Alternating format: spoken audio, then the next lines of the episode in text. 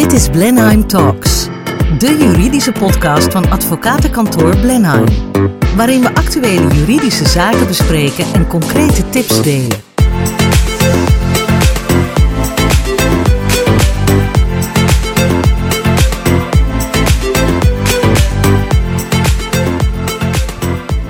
Nou, goedemiddag en welkom bij de eh, podcast van uh, Blenheim Talks. Uh, mijn naam is Teun Blom. Ik ben Managing Associate van de sectie bestuursrecht binnen Blenheim. En heel veel bezig op dit moment met de wet Bibop.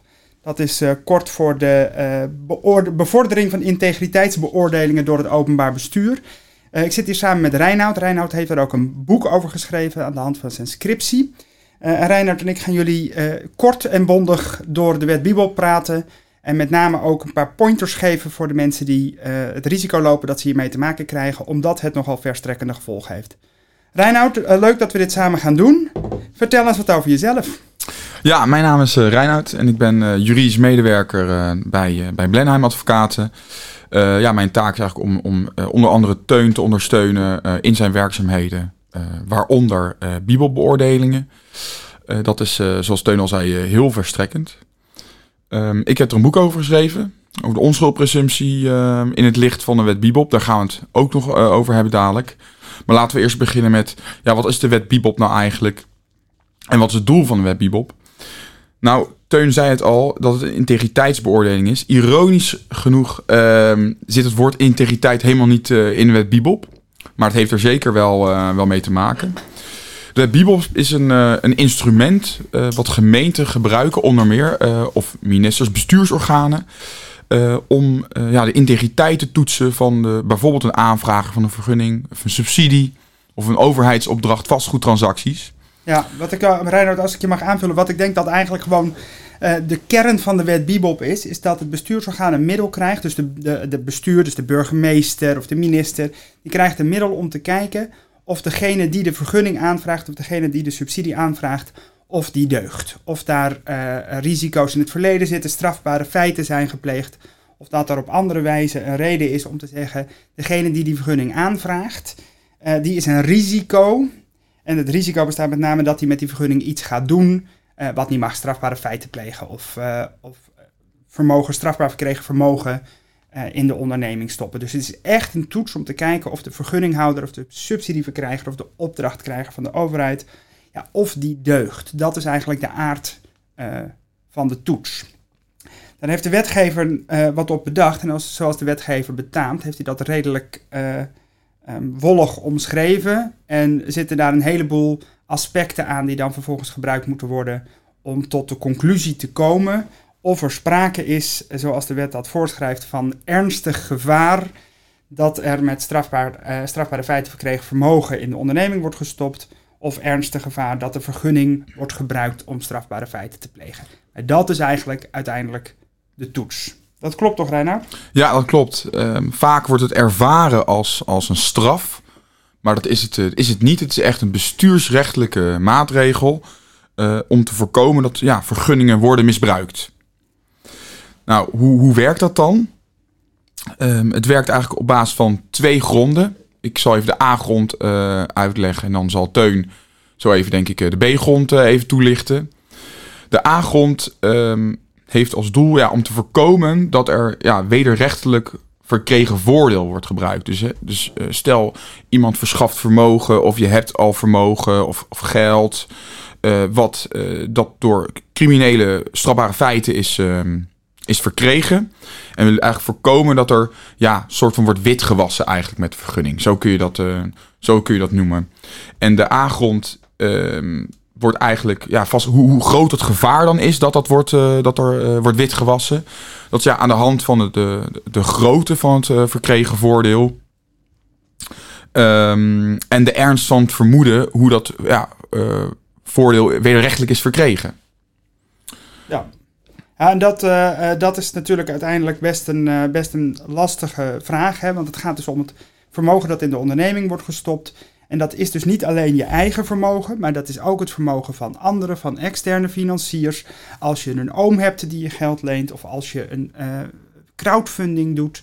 Zodra er geld wordt gebruikt voor, de, voor de vergunning, dan moet getoetst worden hoe dat geld is verkregen. En dan moet eigenlijk de overheid kunnen vaststellen dat dat niet met uh, criminele activiteiten is verkregen. En dat betekent dus eigenlijk dat iedereen die gaat investeren in je onderneming of iedereen die jou een lening verschaft, uh, dat die getoetst gaat worden om te kijken hoe ze aan het geld zijn gekomen.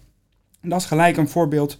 En wij zeggen net al, het is redelijk verstrekkend allemaal. En dat is gelijk een voorbeeld waaruit die, ja, die verstrekkende hand van de wet Bibop toch blijkt. de B-grond is een misschien nog wel wat abstractere toets ook.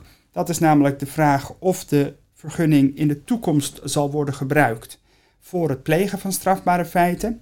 En uh, op dit moment leert toch de, uh, de ervaring en de rechtspraak dat de beoordeling of er in de toekomst kans is dat die vergunning wordt gebruikt voor het plegen van strafbare feiten, dat die helemaal wordt gebaseerd op strafbare feiten die zich zijn gepleegd in het verleden. Dus dan wordt eigenlijk iedereen die betrokken is. En we zullen het zo direct nog even kort hebben over wie er dan allemaal betrokken zou kunnen zijn. Iedereen die betrokken is bij de vergunning of de activiteit waar de vergunning of de subsidie voor wordt aangevraagd, dat die wordt getoetst om te kijken of die in het verleden strafbare feiten heeft gepleegd, die in de toekomst weer met deze vergunning of deze subsidie gepleegd kunnen worden. En ook daarvoor geldt dus weer dat het redelijk verstrekkend is, want het gaat om iedereen die erbij betrokken is. En het gaat om een redelijk lange tijd terug dat er gekeken wordt naar strafbare feiten. En als er strafbare feiten in het verleden zijn, kan dat zomaar reden zijn voor de overheid om te zeggen: het spijt ons werkelijk verschrikkelijk, maar we gaan je die vergunning niet geven of we gaan je die subsidie niet verstrekken. Um, en ik denk, uh, Reiner, misschien is dat een goede brug om even te kijken naar uh, wie dan die relatie is. Aan de ene kant uh, gaat het over de A-grond, dus de vermogensverschaffing, wie de vermogensverschaffers kunnen zijn. En aan de andere kant gaat het om, ja, wie zijn er nou de betrokkenen bij zo'n vergunning of bij een subsidie of bij een onroerend goed project, die allemaal getoetst worden uh, in het kader van de wet Bibop, of daar sprake is van strafbare feiten in het verleden, die voor, die, voor dat ernstige gevaar, zoals ze dat dan noemen, relevant zijn. Ja, ja, precies wat, uh, wat Teun aangeeft. Uh, ja, de betrokkenen is in principe, uh, als je kijkt naar de wet Bibop, de aanvrager van een, van een beschikking of hè, van, een, van een vergunning of de aanvrager van een subsidie. En eigenlijk vanuit dat perspectief wordt gekeken naar met wie de betrokkenen, de, de aanvraag van een vergunning, mee in relatie staat. Dat kan zijn een aandeelhouder, een bestuurder, hè, de UBO, dus uiteindelijk de, de zeggenschap hebbende bovenaan de keten van de concern. Dat kan een vermogensverschaffer zijn, maar dat kan zelfs een zakelijk samenwerkingsverband zijn. En dat is een, ja, een hele ja, niet uitputtende uh, uh, lijst. Dus dat kan, uh, dat is een heel indringend onderzoek om te zien ja, wie er allemaal in relatie staan. En het bestuursorgaan, en ook het Landelijk Bureau Bibop, die daar ook advies kan, over kan geven. Uh, die heeft heel veel gesloten bronnen ook uh, waar ze naar kijken. Dus uh, Belastingdienst kan er worden ingelicht, kan worden gevraagd om informatie. JDI wordt opgevraagd. Hè? Dus als je kijkt naar tijdsverloop van criminele antecedenten die worden meegenomen in een beoordeling, dan zegt de rechtspraak ja, alles wat nog op je strafblad staat, dat mag worden meegenomen in de, in de beoordeling. Ja, dus voor de, voor de oplettende luisteraar, het JDI, dat is het justitiële nog iets... Uh, Documentatie... Uh... Daar komen we straks op terug. Ja. Uh, maar dat is inderdaad, dus dat, dan kijken we naar het... eigenlijk is het zo dat het JDI, dan kijken ze naar het strafblad. En het strafblad reikt heel ver terug. Dus het is niet zo dat, um, dat je na drie jaar of na vijf jaar dat je eigenlijk af de hoek bent... Uh, nee, ze kijken redelijk ver terug. Um, dan geef ik hem weer aan jou. Ik dacht alleen voor de luisteraar is het misschien goed om te weten wat het JDI is. Ja, nee, dankjewel uh, Teun. Dat, uh, dat klopt. Um, verder zijn, um, ja, zoals ik al zei, die relaties dus niet uitputtend. En dat kan ook zelfs familie zijn bijna. Hè. Dat was niet doorgaans wordt dat niet uh, getoetst, maar dat, dat kan zelfs zo zijn. Dus dat zijn inderdaad relaties. Dat, kan een, dat duurt ook vaak wat langer, zo'n bibop-onderzoek, omdat uh, ja, iedere zakenrelatie uh, wordt, wordt getoetst. En afhankelijk van die relatie speelt dat ook mee in de beoordeling of er sprake is van een ernstig gevaar. Dus je kan een voorbeeld geven.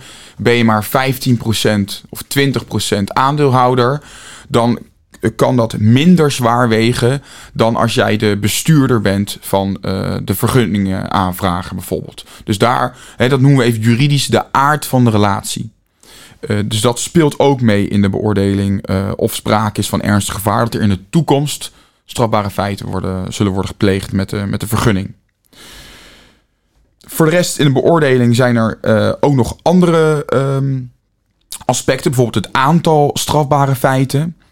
Um, en het vereist van samenhang is soms ook belangrijk. Dat is vooral belangrijk bij de, bij de B-grond. Als we gaan kijken van oké, zal er met die vergunning of subsidie strafbare feiten worden gepleegd? Dan moet er samenhang bestaan tussen de strafbare feiten die al dan niet vermoedelijk zijn gepleegd en de activiteiten waarvoor de vergunning uh, zal worden gebruikt. In de, in de parlementaire geschiedenis wordt een heel mooi voorbeeld gegeven dat als je een, een horecabedrijf uh, uh, begint, dat in principe het plegen van een moord niet direct samenhang heeft met de activiteiten voor de vergunning wordt verleend.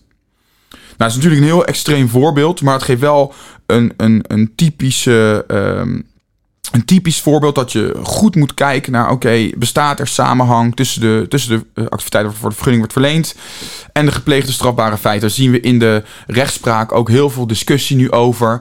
Van goh, um, ik heb een, een erfenis dat is witgewassen. Uh, of dat is witgewassen gelden.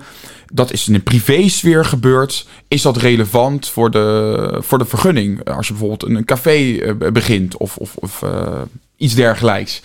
Dus daar zie je nu discussie over van hoe indringend, hoe, wanneer is sprake van voldoende samenhang. Ja. En misschien is het uh, goed, want ik denk dat we uh, straks nog wel wat interessante onderwerpen hebben, maar heel even kort resumerend. Um, we kijken dus eigenlijk in het kader van de toets van de wet Bibop naar, naar twee dingen. Uh, waar komt het vermogen vandaan? Waar komt het geld vandaan? Is dat uh, met criminele activiteiten verkregen of niet? Nou, het voorbeeld wat Reinoud net geeft van een erfenis uit witgewassen gelden of erfenis die bijvoorbeeld niet is aangegeven als die uit het buitenland komt, die kan van de A-grond wel degelijk een risico opleveren, omdat dan dat vermogen is verkregen met criminele activiteiten. Um, en dat is de eerste toets. Gaat er geld in uh, dat met criminele activiteiten is verkregen? En dat geldt dus voor iedereen die geld erin stopt, van een oom die geld leent tot bij wijze van spreken de bank. En de tweede toets waar we naar moeten kijken is eh, wat is het gevaar dat de vergunning eh, wordt gebruikt om het strafbare feiten te plegen.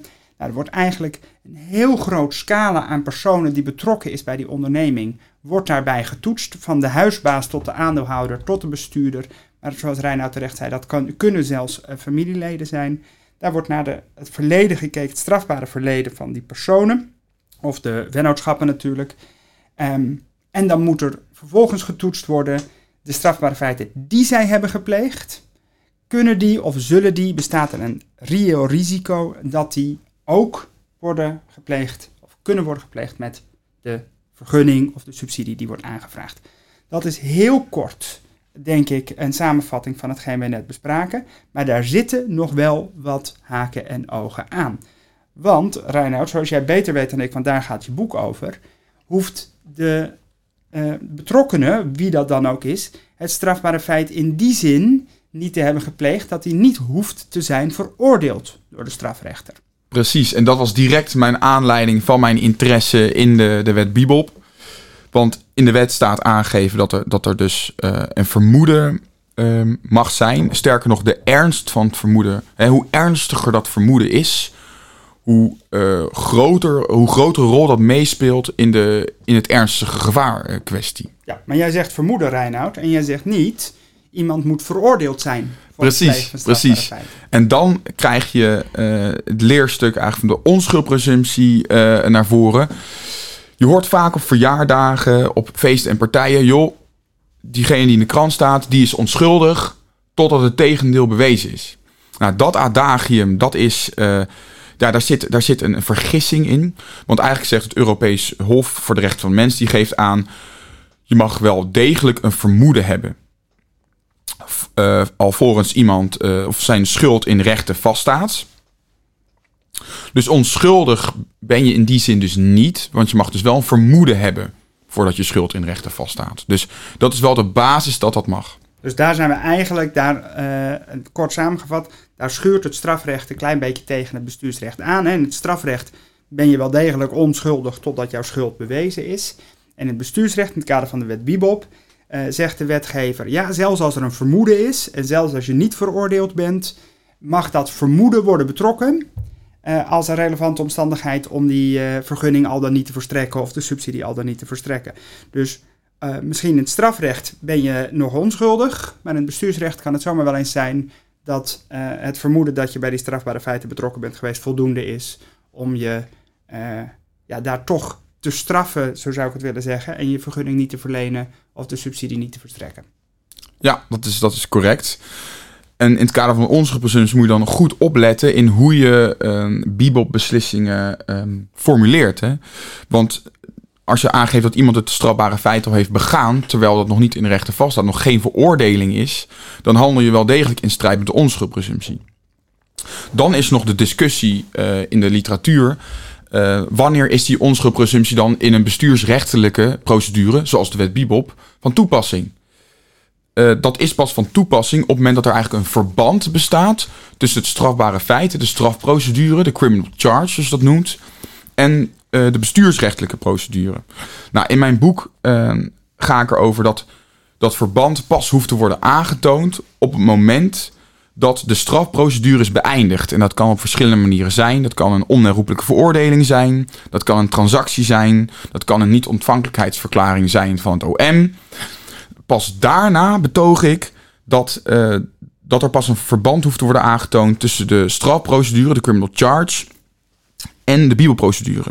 Dus de termijn voor de beëindiging van de strafprocedure zou je kunnen betogen dat de onze presumptie ook dan zonder meer van toepassing is in de Bibelprocedure. Want wat zegt het Europees Hof voor de Rechten van de Mens? Die zegt nadat de criminal charge is aangevangen, daar kom ik nog zo op terug, dan ja, zweeft de onze presumptie als een spook eigenlijk over dat strafbare feit heen. En dat geldt dus ten aanzien van uh, overheidsambtenaren, rechters, officieren van justitie en dus ook voor bestuursorganen die een integriteits beoordeling doen. Dat is, dat is uh, relevant. Want je ziet dat nu de afdeling bestuursrechtspraak voor de van de Raad van State eigenlijk aangeeft van ja, er moet, er moet een verband zijn. Maar er is nog niet uh, geoordeeld dat dat dus niet hoeft te zijn voor de beëindiging van de, van de strafprocedure. Dan zult u zich afvragen, wanneer begint die strafprocedure dan? Nou, dat noem je eigenlijk de aanvang van de criminal charge. De afdeling heeft daarvan gezegd, dat begint pas volgens mij als er is gedagvaard. Maar als je kijkt naar de jurisprudentie van het uh, Hof voor de Rechten van de Mens, is dat niet het geval. Want het kan ook zo zijn dat de criminal charge, de strafprocedure, aanvang neemt op het moment dat je redelijkerwijs mag verwachten vanuit de handelingen vanuit het OM dat die uh, criminal charge al is begonnen. Dus op het moment dat er bijvoorbeeld meerdere huiszoekingen hebben plaatsgevonden of er ligt een concept uh, boete op grond van AWR bijvoorbeeld, dan kan al die, die die um, criminal charge al, al beginnen, hebben aanvang hebben genomen. En vanaf dan begint al die onze presumptie te werken. En wat je vaak ziet in de wet Bibop, dat ze vaak um, processen verbaal van de politie al gebruiken, uh, opsporingsgegevens. Uh, uh, die mogen ze opvragen. Die kunnen al worden gebruikt. Dus dan daar begint eigenlijk de onze presumptie al te werken. En dat is heel belangrijk om daar in de formuleringen van beschikkingen van het onderzoek, van het advies van het LWB, goed te kijken hoe dat is geformuleerd. Want die adviezen en die bibelbeschikking gaan soms heel ver. Je ziet vaak in de praktijk dat er eigenlijk al een strafrechtelijke, um, uh, ja, strafrechtelijke beoordeling plaatsvindt van, van bepaalde feiten en omstandigheden bijvoorbeeld voorwaardelijke opzet uh, of schuld. Dat zijn hele strafrechtelijke ja, beoordelingen die, die, die het LBB al, ja, al toepast op bepaalde feitomstandigheden. En daaruit concludeert dat sprake is van een ernstig vermoeden. Ja. Dus het is goed om te kijken, uh, uh, goed om te bezien, om te controleren of dat, of dat allemaal wel goed gaat. Of het allemaal wel toelaatbaar is. Ja. Nou ja, goed, en dat, ik, ik, ben het helemaal met je eens, Reinoud. En dat, daar zien we dus, wat ik net al zei, een beetje het strafrecht tegen het bestuursrecht aanschuren. Hè. Um, omdat de wet Bibop spreekt over een vermoeden, uh, voelt het bestuursorgaan zich redelijk snel vrij om te zeggen: ja, ik hoef niet te wachten tot je veroordeeld bent. Ik kan ook al bij onderzoekshandelingen of als er uh, sprake is van bijvoorbeeld een CEPO of als u een transactie heeft gesloten met het Openbaar Ministerie omdat uh, u vervolging wilde voorkomen en dus bij wijze van spreken de boete maar pakt. Uh, dan kan het uh, bestuursorgaan, de burgemeester, die kan dan zeggen, ja, moet u goed luisteren, ik vind toch dat er een vermoeden is van een relatie met strafbare feiten. En ondanks dat u strafrechtelijk eigenlijk door het oog van de naald bent gekropen, gaat u dat bestuursrechtelijk niet redden. En, en ga ik daar mijn, mijn besluit in het kader van de wet Bibop, ga ik daarop aanpassen. En wat ik jou eigenlijk hoor zeggen, Reinoud, is ja, daar is eigenlijk best wel veel discussie over. Het is ook eigenlijk wel de vraag in hoeverre dat op deze manier, zoals dat nu wordt toegepast, helemaal toelaatbaar is. Maar ik denk wel dat het goed is uh, uh, voor de oplettende luisteraars onder ons om wel te zeggen, het wordt op dit moment wel zo toegepast en het wordt ook in hoge mate toegelaten dat zelfs als u een transactie heeft gesloten, zelfs als een strafrechtelijke procedure tegen u is geseponeerd, dat dat relevant is voor de wet Bibop en dat dat dusdanige gevolgen heeft dat bijvoorbeeld een subsidie niet wordt verstrekt of een vergunning niet wordt verleend. Um, het boek van Reinoud gaat daar heel uitgebreid op in en wij zijn heel erg blij met het boek van Reinoud, omdat het volgens ons, die al wat langer met de wet bezig zijn, een hele gevoelige snaar raakt. Um, in de toepassing van de wet Bibop en in de wijze waarop de wetgever eigenlijk voorbij die onschuldpresumptie is gestapt en genoegen neemt met een vermoeden, Um, maar als u bezig bent met het invullen van een Bibop-formulier of als u bezig bent in gesprekken met het Openbaar Ministerie of met de overheid over vergunningen of over transacties of over het wel of niet laten seponeren van verschillende strafrechtelijke procedures, houd dan goed in de gaten dat wat u ook doet wel degelijk gevolgen kan hebben voor een eventuele toekomstige Bibop-toets, uh, totdat Reinoud uh, bij de Raad van State uh, alles op zijn kop heeft gezet en uh, de Raad van State zover heeft gekregen dat de onschuldpresumptie strakker wordt toegepast, um, is op dit moment toch het risico dat uh, uh, zelfs als u op een andere manier van de strafrechtelijke procedure af bent gekomen, of zelfs helemaal niet bent vervolgd uiteindelijk, dat dat gevolgen heeft voor de wet Bibop. En dat is met name ook van belang voor het invullen van het Bibop-formulier, waar ik heel kort even wat over wil zeggen. Want als u straks een vergunning aanvraagt of subsidie aanvraagt, dan zult u een Bibop-formulier moeten invullen en dan moet u ook aangeven of u in aanraking bent geweest met politie en justitie. En anders dan u misschien zou denken, betekent dat dus niet dat de vraag is: bent u veroordeeld?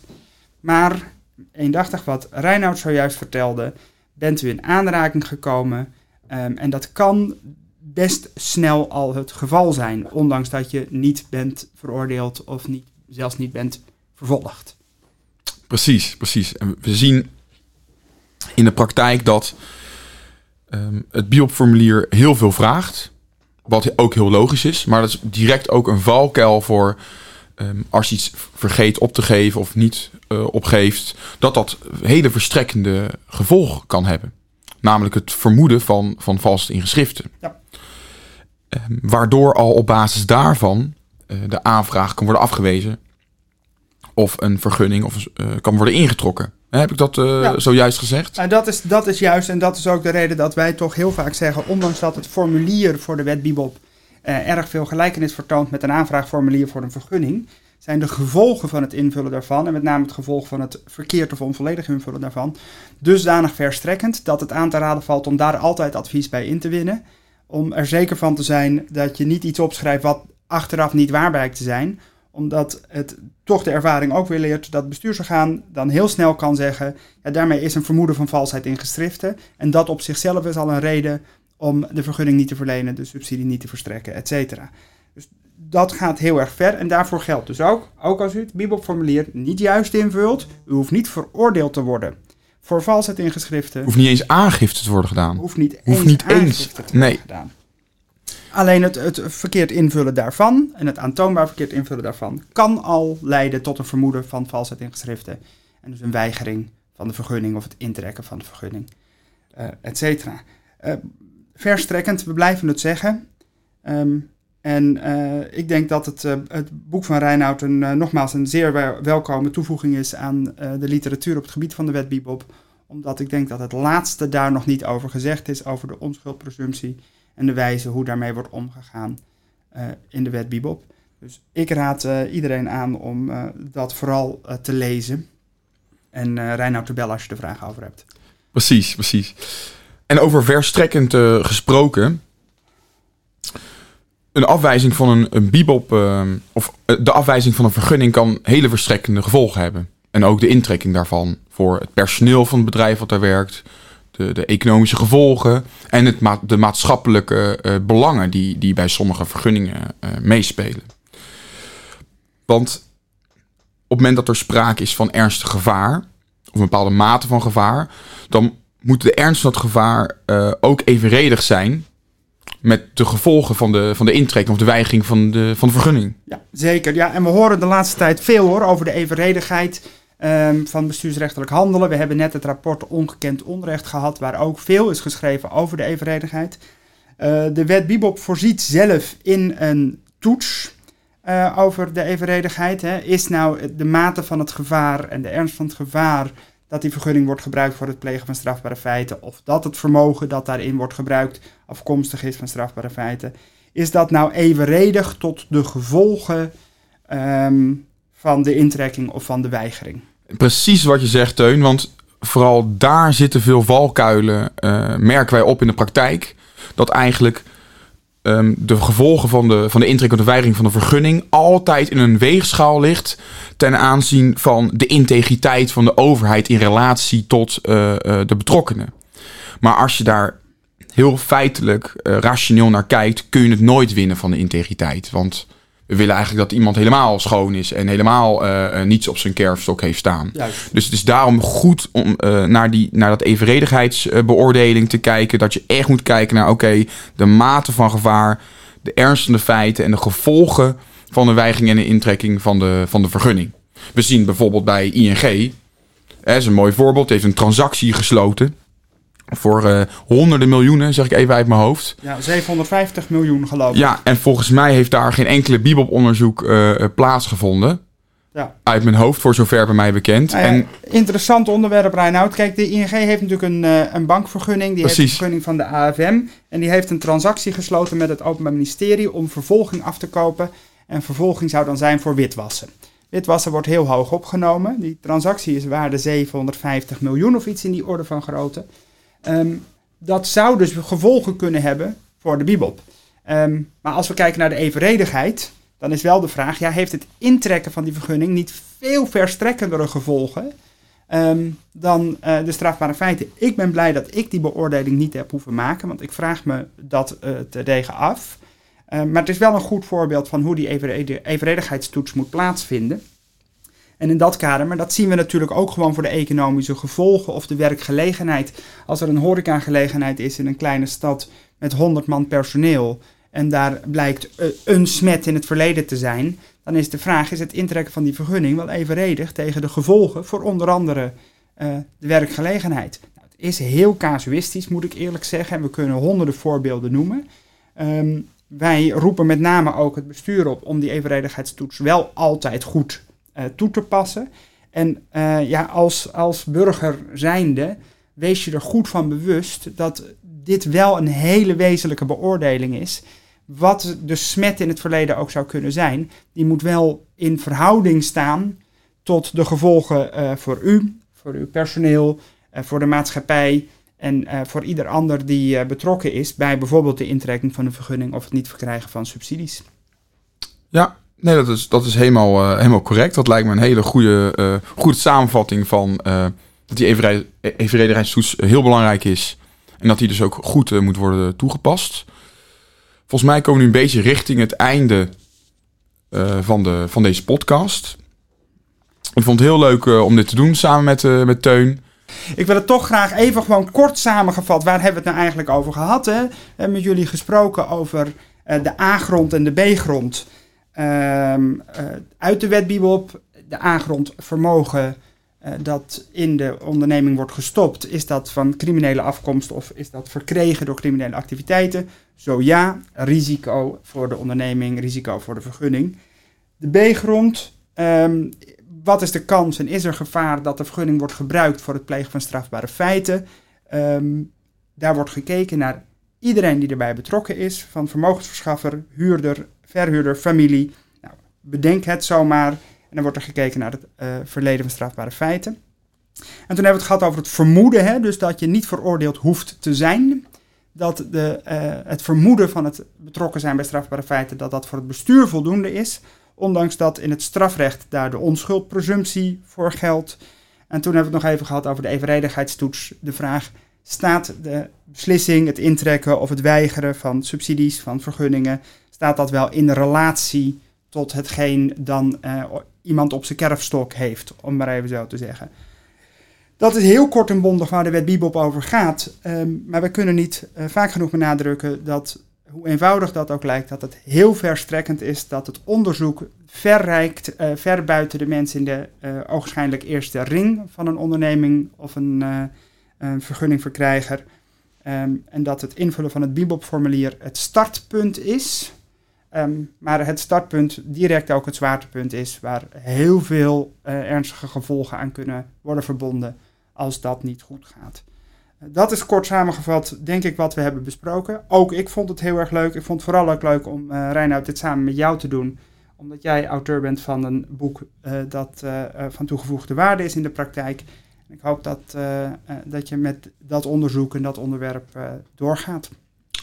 Ja, dankjewel om af te sluiten wil ik dan graag ja, even vermelden dat, uh, dat je alles kan zien. We hebben er veel blogs over dit, deze onderwerp geschreven op onze site www.blenheim.nl. Duw oog vooral de kost. Daar staat ontzettend veel leuke, interessante, goede informatie op om ja, de, deze podcast nog een betere toelichting te geven. Dan kunt u ook even rustig nalezen. Uh, voor vragen kun je inderdaad naar mij, naar mij of naar Teun uh, mailen. Die staan ook vermeld op de site of naar info.blenheim.nl. Mocht u geïnteresseerd zijn, het boek is als het goed is vanaf september te koop bij celsusboeken.nl. En dan wil ik u graag uh, alle luisteraars bedanken voor jullie tijd en het meeluisteren. Dit was Blenheim Talks, de juridische podcast van advocatenkantoor Blenheim. Wil je meer weten over een onderwerp of heb je andere juridische vragen? Neem dan contact op via onze website of stuur een bericht naar mail@blenheim.nl.